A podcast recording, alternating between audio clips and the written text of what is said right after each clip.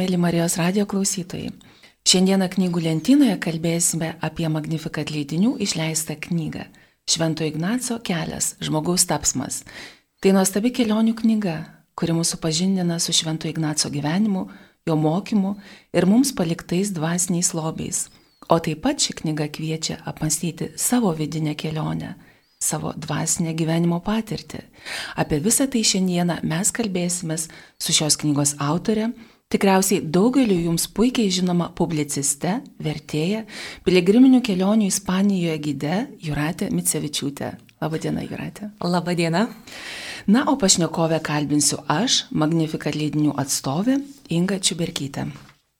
Juratė, e, noriu ir pradėti mūsų pokalbį na štai nuo, nuo tokio klausimo. Kiek žinau, tai yra ne pirmoji jūsų kelionių knyga.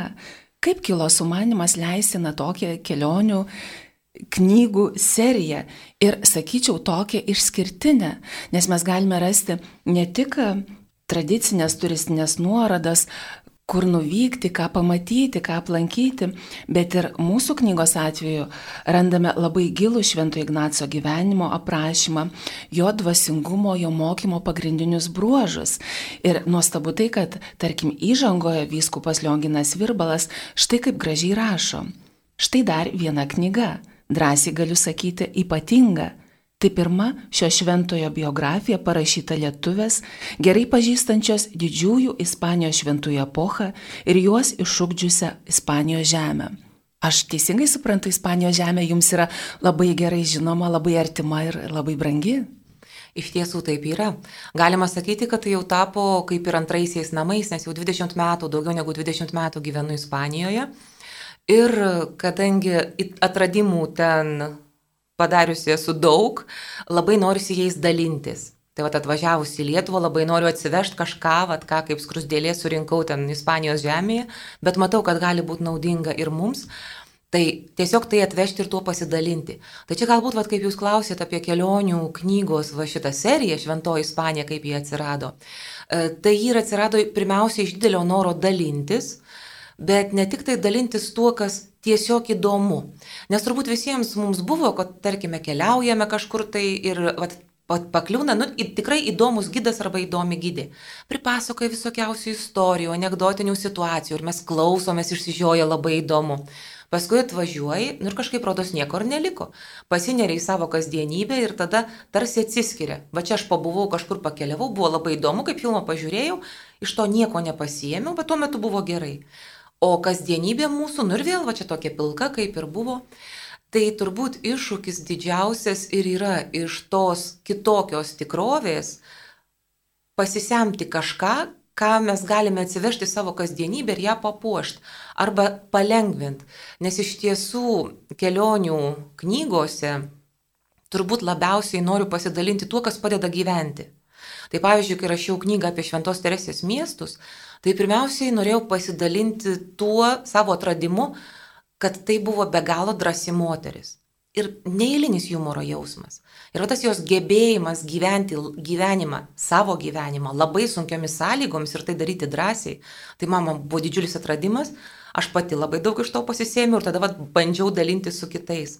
Tada, kai išėjo antroji kelionių knyga, dabar čia keturi keliai prie gyvybės medžio, E, čia yra knyga apie kitą piligrimystę Ispanijos šiaurėje, prie Šventojo kryžiaus relikvijos, bet mes eidami prie tos relikvijos mes skaitom apokalipsę. Ir tai yra didžiulės paguodos ir vilties knyga sunkiais laikais, nes e, įparašyta, skaitant apokalipsę, kuri irgi buvo parašyta labai sunkiais laikais panašiais į mūsų, ir e, mūsų gidas, čia sakau kabutėse, yra 8 amžiaus benediktinų vienuolis parašęs komentarą apie apokalipsę. Irgi gyvenęs labai sunkiais laikais. Tai va, tai tą antrą kelionių knygą rašydama, pirmiausiai norėjau pasimokyti pati, paguodos ir vilties semtis iš tų sunkumų gyvenimo, vat, kurie mūsų supa, kai kartais neviltis apima žinių pasižiūrėjus arba pasiklausius. Ir kartu pasidalinti su kitais. O dabar trečioji knyga Švento Ignaco, jinai yra dar kitokia. Nes Šventas Ignacas Lojola visų pirma yra puikus dvasios mokytojas, jis yra puikus valios formuotojas. Ir pavyzdžiui, va dabartinio karo sąlygomis aš tikrai nustebau, kad vienas iš žmonių, kurie palaiko ukrainiečių dvasę, pavadinkime taip, kiekvieną dieną, e, jis yra, nu, save laiko praktiškai Ignaco Lojolos mokiniu. Aš buvau labai nustebusi, bet sakau, nu, va, kaip netyčia pasirodo tas ignaciškasis dvasingumas, vad kokį mokinį jisai po 500 metų įgyjo. Bet iš tiesų pats pirmas mokinys, pats pirmas molis, kurį jisai formavo, buvo jis pats. Ir tai buvo labai kietas molis. Ir va ta jo kova, formuojant save, kovojant su savo charakteriu, kaip iš to tokio maištingo, labai karšto, labai nirštaus būdo, e, staiga, nu nestaiga, per daug metų atsirado šventasis, kaip jisai išmoko nutildyti tą savo pyktį vidinį, tą didžiulę ugnį, kurį jame liepsnoja, ir išgirsti, kai Dievas jam pasako, ne, šituo keliu tu neisi, va tau kitas kelias, ir jisai pasuka tuo kitu keliu ir pamato, kad tai yra tas tikrasis kelias. Va tas neįtikėtinas dialogas su Dievu, mane pribloškė tiesiog, kad įmanoma va taip suvaldyti savo būdą ir tapti Dievo bendradarbiu. Tai čia turbūt bus tokia pagrindinė, va ir yra šitos trečiosios kelionių knygos tema ir didysis atradimas, kuriuo norėjau pasidalinti. Na, o mūsų klausytojams, būsimiems šios knygos skaitytojams, turbūt reikėtų pasakyti ir štai tokį dalyką, kad šita knyga yra iš dviejų dalių. Tai yra knyga, kuri pateikia e, labai tokį išsamų šventojo aprašymą sąsaja su gyventomis vietomis, na jūs turbūt daugiau papasakosite. Ir yra antra dalis, tai yra priedas, turistinis priedas, ar ne, kurio galima vadovautis keliaujantis būtent tomis vietomis, kuriuose, tose vietose, kuriuose ir gyveno šventasis Ignacas. E, iš tiesų tai tapo jau tokia tradicija, kad šitos serijos kelionių knygos be pagrindinės knygos turi dovaną skaitytojui, tai yra tas praktinis priedas.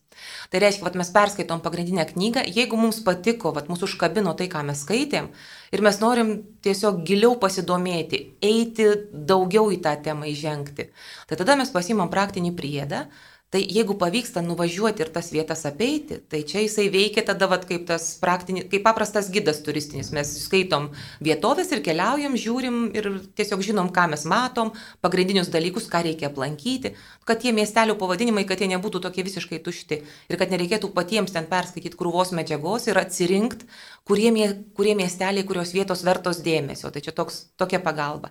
Bet mesgi turim internetą. Mes turim mūsų bičiulį Google, kuris kartais labai nervina, bet kartais atveria nu, tokius puikius horizontus. Tai va, tai visa ta informacija, kuri yra internete, yra na, kaip didžiulė jūra.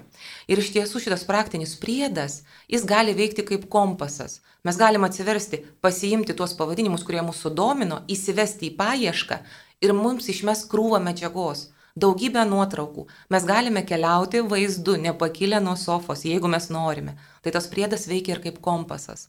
Reiškia pagrindinė knyga, e, jinai daugiau gilinasi būtent į žmogaus gyvenimo istoriją, šiuo atveju Ignaco gyvenimo istoriją. Ir visą laiką praktinis klausimas, šiaip esu labai praktiškas žmogus. Jeigu man tai nenaudinga gyvenimui, va tai, ką aš kažką darau, tai aš to tiesiog nedarau savo įdomumui kažką skaityti. Na taip, gerai, bet jeigu tai dar ir naudinga, tai dar geriau. Tai visą laiką yra klausimas, o kas man iš to, ką aš čia dabar apie Šventą Ignacą skaitau, ką aš galiu savo pasiimti. Tai visą laiką antram planetas klausimas knygą lydi. Ir vat mes einam nuo Ignaco lopšio, nuo jo tėviškės, jo to giminės dvarelio, e, iki tos vietos, kur jo tas didysis atsivertimas įvyko, kuris 11 mėnesių truko, tas žmogaus nu kaip išsilūkštenimas iš, iš kiaušinio, tas viščiukas, kur pagaliau, pagaliau išsilūkšteno per 11 mėnesių, jam ten be galo sunku buvo. Vien, jis ten sako, čia buvo mano naujokynas, va, tie, tie, tie mėnesiai. Tai va, iš tiesų jo gyvenimas paskui tęsėsi toliau, jis ten keliavo, Romoje veiklos 18 metų buvo, tai mes jau ten paskui fiziškai neinam. Bet eidami šituo Švento Ignaco keliu, mes turime galimybę apmastyti visą jo gyvenimą. Nes mes nepasisėmėm visko, ką galim pasisemti, jeigu mes neperžiūrim viso žmogaus gyvenimo, iki pat paskutinio egzamino, kuris yra mirtis. Nuo pradžios iki pabaigos. Tai mes fiziškai, sakykime taip, nueinam ne visą kelią, o tik tą dalį, kuri yra Ispanijoje, bet iš tiesų tai yra dalis, kurį jis suformavo. Bet mintimis mes perbėgam visą Ignaco gyvenimą. Ką jis iš to išsinešė ir kas iš to sėklos sudygo galiausiai. Ir kas mums iš to gali būti naudinga. Čia vat, labai svarbus klausimas. Tai vadinasi, mes galime keliauti tiek mintimis, tiek kojomis, ar ne? Ir pradžiai turbūt tas pirmasis susitikimas su šia knyga ir su švento Ignaco keliu tai ir bus pasimti knygą, perskaityti ir galbūt gavus impulsą, na, pakilti ir išsiruošti į žygį. Aš įsivaizduoju, kad, kad tai irgi gali paskatinti šitą knygą, ar ne? Na ir mes vis kalbame apie Šventą Ignacą. Jūs jau minėjote keletą bruožų, kuo jis ypatingas, kuo jis išskirtinis, kodėl mes sekame jo mokymu. Ir štai aš knygoje dar radau tokius gražius žodžius. Neretai galima išgirsti, kad Ignacas Lojola vienas giliausiai pasaulio istoriją paveikusių žmonių, kad organizuodavo geriau nei Napoleonas, pakeitė visuomenę radikaliau nei Leninas, sukūrė veiksmingiausią motivacijos metodą, iki šiol plačiai taikomas dvasinės pratybas, dėl to vieni jį kėlė į altorius, kiti keikė, bet balto ir juodoji legendos veikia panašiai - įtrūkas apgaubė ir paslėpė. Taigi, Juratė, vis tik norisi labiau pažinti Švento Ignaco asmenybę koks jis buvo, nes kiek, kiek jau laiko praėjo nuo jo išėjimo iš šio pasaulio, ar ne, o mes vis dar kalbam, vis dar bandom suprasti jo mokymą, jo dvasingumą ir nenorime eiti vis giliau, giliau ir sekame jo pėdomis tam, kad pakeistume savo vidų. Tai iš tikrųjų yra turbūt labai unikali asmenybė. E, iš tiesų sunku surasti kitą žmogų, su kuriuo būtų galima Šventą Ignacą palyginti. Jis taip tarsi atsirado vos netuščioje vietoje, ten kai, kai skaitysite knygą, matysite, kad vis dėlto ne visai tuščioje vietoje, bet jis sugebėjo surasti labai originalų tų jam duotų gyvenimo duotų plytų derinį. Nes mes visą laiką, pavyzdžiui, dabar labai madinga kalbėti apie savęs realizavimą. Čia va, man reikia laisvės, kad aš galėčiau išsiskleisti. Žmogus kaip pumpuras rožės, va toks visas jau ten sudėtas, va tik jau paleidai tą pumpurą, jis išsiskleidė ir va jau mes turim žmogų. Tai iš tiesų ignaciškas e, kelias, bet iš tiesų ir kiekvieno žmogaus kelias tai pasižiūrėjus. Tiesiog Ignacijas apie tai kalba, iš jo mokymo tai matosi. Ne taip kaip iš populiarių, iš populiarių žurnalų, kurie mums ten e, gerą žinę duoda, čia sakau, kabutėse gerą žinę. Čia skleiskitės, o jeigu viduje nieko nėra, o jeigu tuščia, O jeigu mes esam, esam tuščias kevalas, nu tai ką aš čia skleisiuos? Nieko tengi nėra. Tai e, Ignacas duoda didžiulę viltį, kad netgi jeigu mes esam toks labai jau toks susiglamžęs, toks labai jau nie, niekalo, toks atrodo visiškai niekingas pumpuras arba netgi atrodo tuščias, mes turim šansą. Nes iš tiesų žmogus, e, jis neišsiskleidžia taip, kad jau kažką savyje turi ir išskleidžia, bet žmogus keliaudamas gyvenimu, žingsnis po žingsnio stato save. Dievas jam ten padeda kažkokių tai plytų, kažkokios tai medžiagos paduoda, žmogus tą medžiagą ima arba neima ir iš jo formuoja save, vyksta toks bendras kūrimas. E, man labai patinka yra toks Radiardo Kiplingo apsakymas vienas. E, čia toks gan kontroversiškas rašytojas, bet jis labai pastabus buvo, labai gražių tokių duoda e, palyginimų.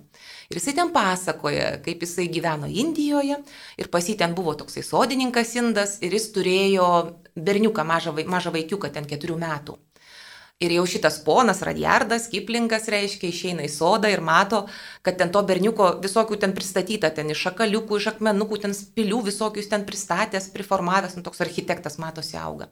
Nu ir ten prasidėjo toksai žaidimas tarp jų abiejų. Ten Radiardas išneša kažkokį kamuoliuką, ten padeda. Kitą dieną ateina pažiūri aplink tą kamoliuką, jau ten pastatytas kažkoks pylimai kažkokie, jau ten tas kamoliukas apiformintas, jau tapęs didžiuliu ten pastatu. Kitą kartą kreuklę išneša. Vėl ten išeina kitą dieną, tas berniukas jau vėl ten padaręs tokį didžiulį sodą. Aplink, ten iš akmenukų visokiausių ir plunksnelių aplink tą kreuklę. Tai man čia toks geras simbolis, kaip mums gyvenimas paduoda va tuos kamuoliukus, kreuklytės ir mes turim galimybę kažką iš to statyti. Ir iš Švento Ignaco atveju, kas yra įdomiausia, kad netgi skaitant jo autobiografiją, nors ten labai mažai apie tą pradinį etapą parašyta, Tai vad kas buvo labai įdomu paieškoti tų trupiniukų, ką dar galima surasti apie jo biografiją, kol šalia jo nebuvo bendražygių, kurie ten viską užrašinėjo, netgi jo gestus, ten veido išraiškas, žodžius, nes jie labai fiksavo, bet tai buvo tik paskutinio gyvenimo laikotarpiu, paskutiniai 18 metų, dar šiek tiek ten, kai studijavo. Bet iš tiesų didžioji gyvenimo dalis, mes žinom apie Ignacą tiek, kiek jis pats apie save papasakojo, o jis nemėgo apie save kalbėti. Ir iš tiesų va tik dešimt metų prašytas galų gale padiktavo savo autobiografiją. Bet ir tai padiktavo tik tada, kai pamatė, kad e, pasidalino ten su tokiu jaunu jėzuitu vienu savo gyvenimo patirtimi vieną ir pamatė, kad tam, tam jaunuoliui, kad jam tai buvo labai naudinga. Ir tada Ignacas va tarsi susimastė, a, tai mano gyvenimas gali kitam padėti. Reikia tada pasakoti, kad būtų pamokomas tas įspūdis, tai aš papasakosiu. Ir jis tada jau papasakojo. Tai kai jisai kalba, jisai stengiasi pamokyti. Tai nors kalba labai atvirai, bet kai kas lieka, kas mums galbūt įdomu. Jisai nepagalvojo, kad tą reikia pasakot. Arba tas jaunas jėzuitas nepagalvojo, kad reikia paskelbti, gal jis taip mylėjo savo mokytoją, kad gal kažkokias nuodėmės ir nutylėjo, pasilaikė savo, gali būti ir taip. Mes kartais būnam per daug geri iš tiesų stengiamės vat, kitą žmogų pateikti geresnį paveikslą. Tai va, ir tada taip ir atsitiko, kad Ignacio paveikslas toks susiformavo labai jau toks šventas, nu, nu vaimk žmogų gyvą ir statyk į altorių. Nu, tai irgi taip nėra. Jis iš nieko neatsirado, aš noriu pasižiūrėti, kokiu būdu tas žmogus save pastatė, kol priejo iki altoriaus. Jūs man nerodykit, nerodykit kaip jis atrodo altoriui. Nu gražu, viskas tvarkoja, gerai, gėlyčių atnešiu, žvakutę pastatysiu. Bet e, jūs man pasakykit, kaip jisai tokiu tapo. Aš irgi noriu. Aš irgi noriu pasimokyti, nors truputėlį priartėti, vat, nu, nors iki ten žemiausio altoriaus laiptelio. Kaip jis tai padarė. Ir va, ir mes pasižiūrime gyvenimo pradžią Švento Ignaco ir mes matom tokį Nu, aš nežinau, man turbūt, nu, aš turbūt nenorėčiau tokio bičiulio turėti, vad koks jis jaunystėje buvo. Nes labai tokio nirtaus būdo, matosi ten visokios svajonės pas jį labai nerealistiškos būdavo, į nuotikius kažkokius įsiveldavo, avantūros kažkokios buvo, jis ten tik per plauką nepateko į galeras, vat, netapo nusikalteliu, tai čia irgi taip labai įdomu. Ir kokiu būdu iš, tokio, iš tokios medžiagos Dievas suformavo pačia, pačiam Ignacui bendradarbiaujant savaime aišku, nes tokio kieto charakterio, nu, ten jo nebūtų paveikę be jo paties sutikimo, sakykim taip. Tai kaip jisai tapo tuo, kuo jisai tapo. O dėl to žmogaus tapsmas yra vat, pavadinime tie, tie žodžiai. Bet ką tai gali duoti man? Mano gyvenime, ką aš galiu iš to pasisemti. Tai čia va tuo yra įdomus Šventas Ignacas, kad jis pradėjo nuo labai žemo starto iš tikrųjų ir labai daug pasiekė. Iš jo galima daug pasimokyti.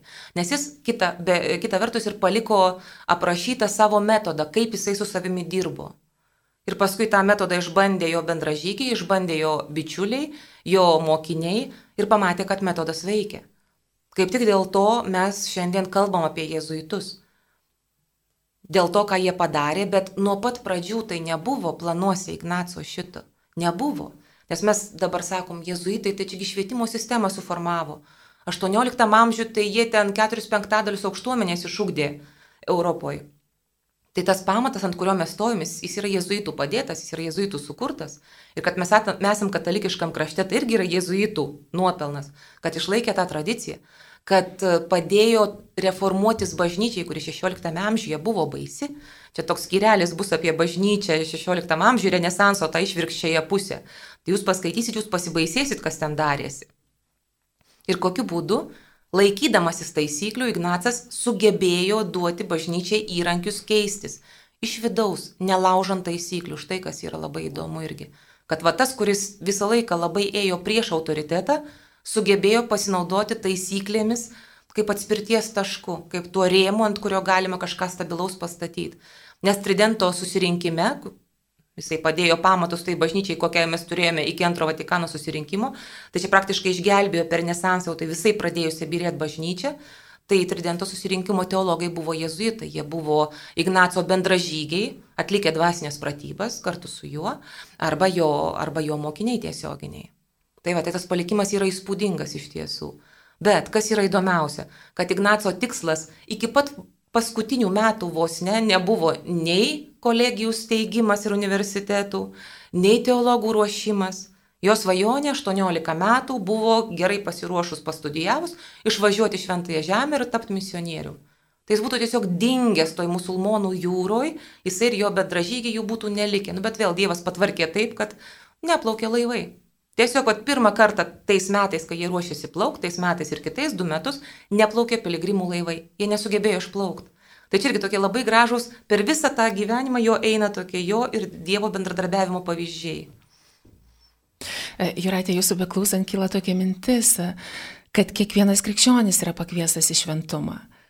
Ir turbūt šventasis Ignacas savo gyvenimu parodė savo tuo gyvu praktiniu pavyzdžiu, kaip gali vykti žmogaus vidinė transformacija ir į ką tas vidinis virsmas gali atvesti. Tai iš tikrųjų nuostabu, kad turime tokį mokytoją, galime keliauti savo vidinėje kelionėje, turėdami į ką pasižiūrėti, į gyvą tą pavyzdį, nors jis mus ir paliko gana senai, bet gyvas mūsų širdise, gyvas mūsų mintise.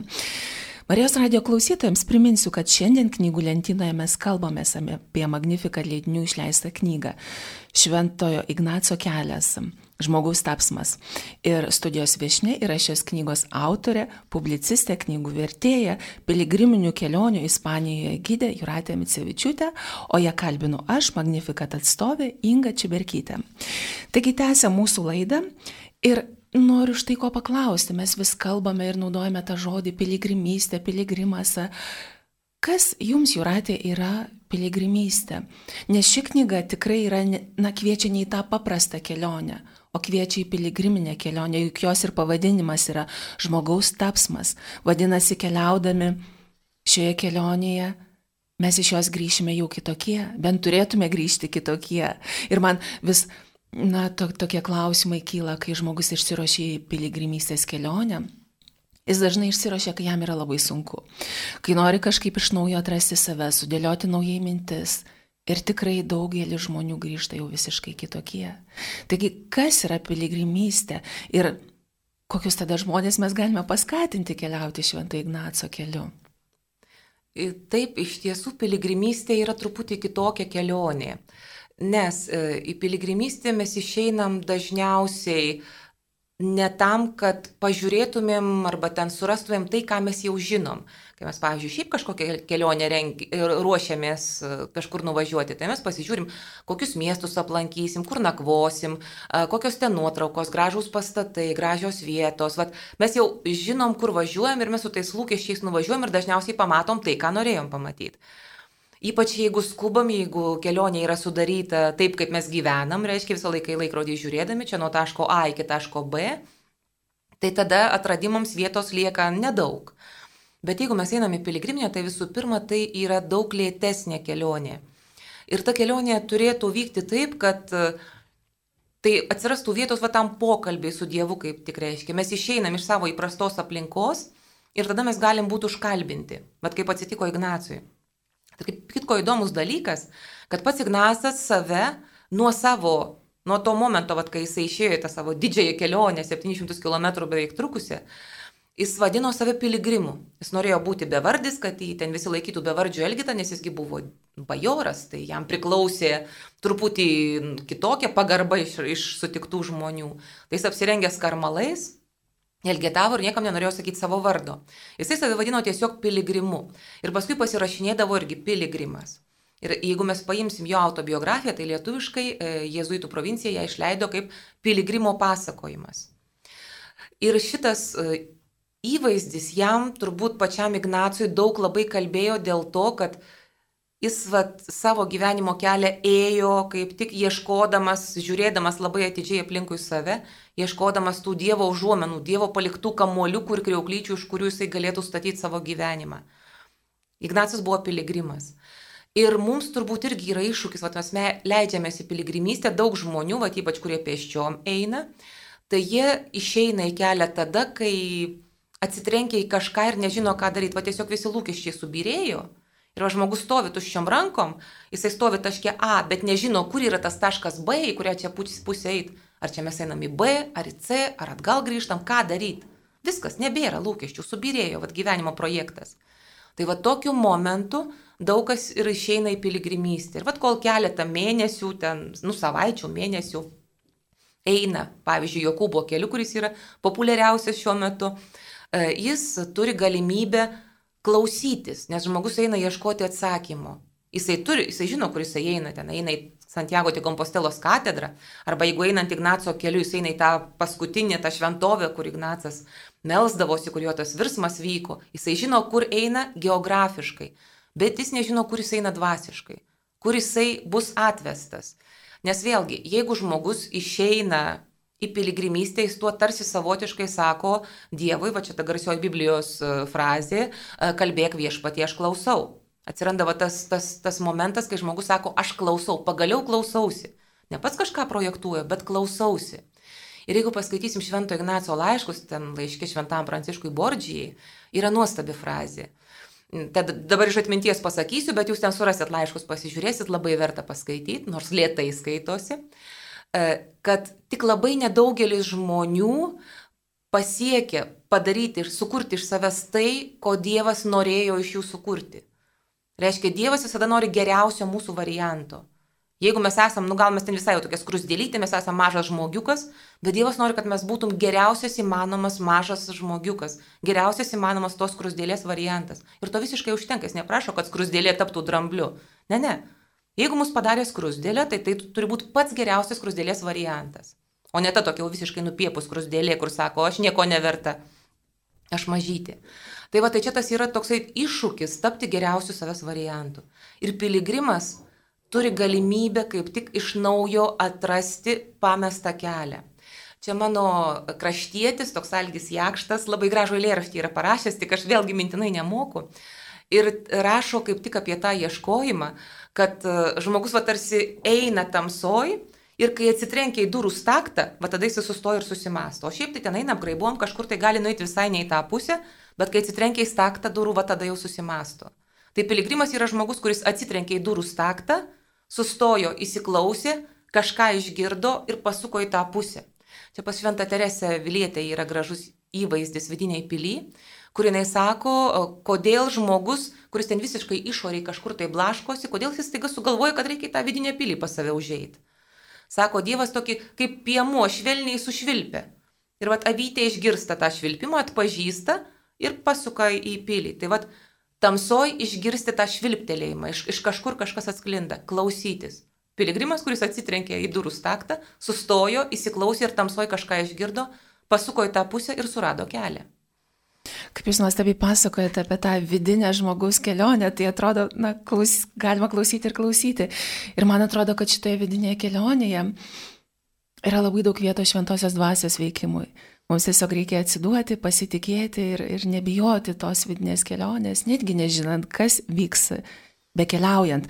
Bet dabar, Juratė, noriu na šiek tiek sugrįžti į žemę ir paklausti, Geografiškai, kokia tai kelionė? Kiek žinau, jį veda per penkias Ispanijos provincijas ir iš viso sudaro 670 km, taip? E, taip ir yra. E, čia šita kelionė vyksta Ispanijoje ir ji eina, galima sakyti, palei Ispanijos ir Prancūzijos sieną. E, jeigu įsivaizduokit, va dabar geografija, čia Ispanija atrodo tokia kaip galvytė, ar ne, va tas kakliukas ir ta tokia galvytė. Tai va čia per mes tą kaklą pereinam iš viršaus į apačią, iš šiaurės į pietus. Tai prasideda Baskų krašte kelionė gimtojoje Ignaco pilyje, kur jį e, sužeista, sunkiai sužeista, atgabeno 1521 m. gegužės mėnesį buvo sužeistas, birželį jį ten atnešė.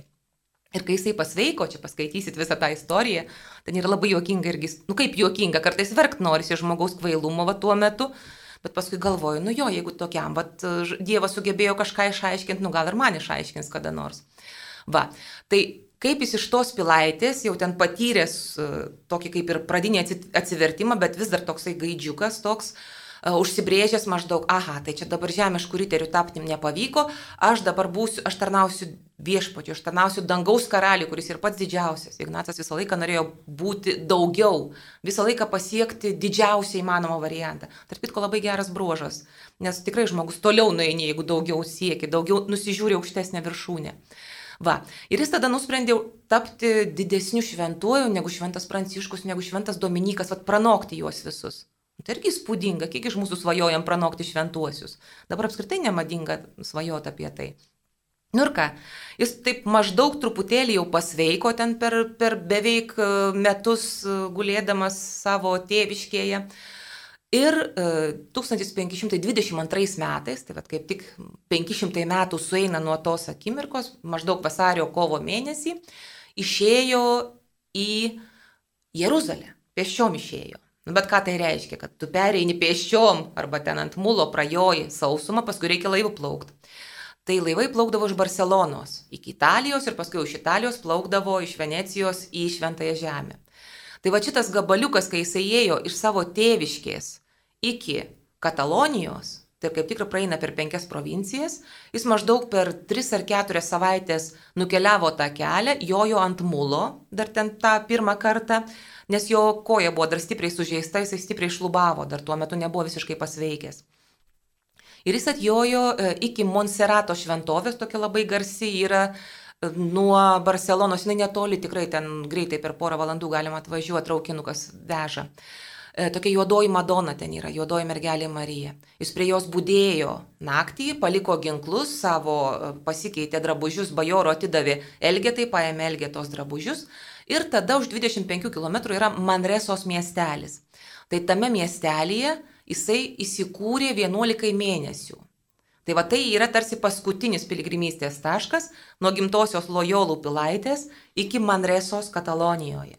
Jisai tais metais neišplaukė, sako, greičiausiai dėl to, kad pandemija buvo, uždarytas visas transportas, Barcelonos uostas buvo uždarytas, karantinas ir jis tada tiesiog pasuko į mažesnį miestelį, kur galėjo elgetauti ir atsidėti dvasiniams apmąstymams. Ir jis tai darė 11 mėnesių, va ten jis išsilūkšteno iš to savo žemiško lūkšto, sakykim taip, įvyko tas, tas procesas. Ir šituos kilometrus dabar piligrimai eina. Didesnis toks rautas pradėjo eiti nuo 2010 maždaug metų. Jėzuitai globoja šitą kelią, skatina žmonės ir dabar jau eina tūkstančiai.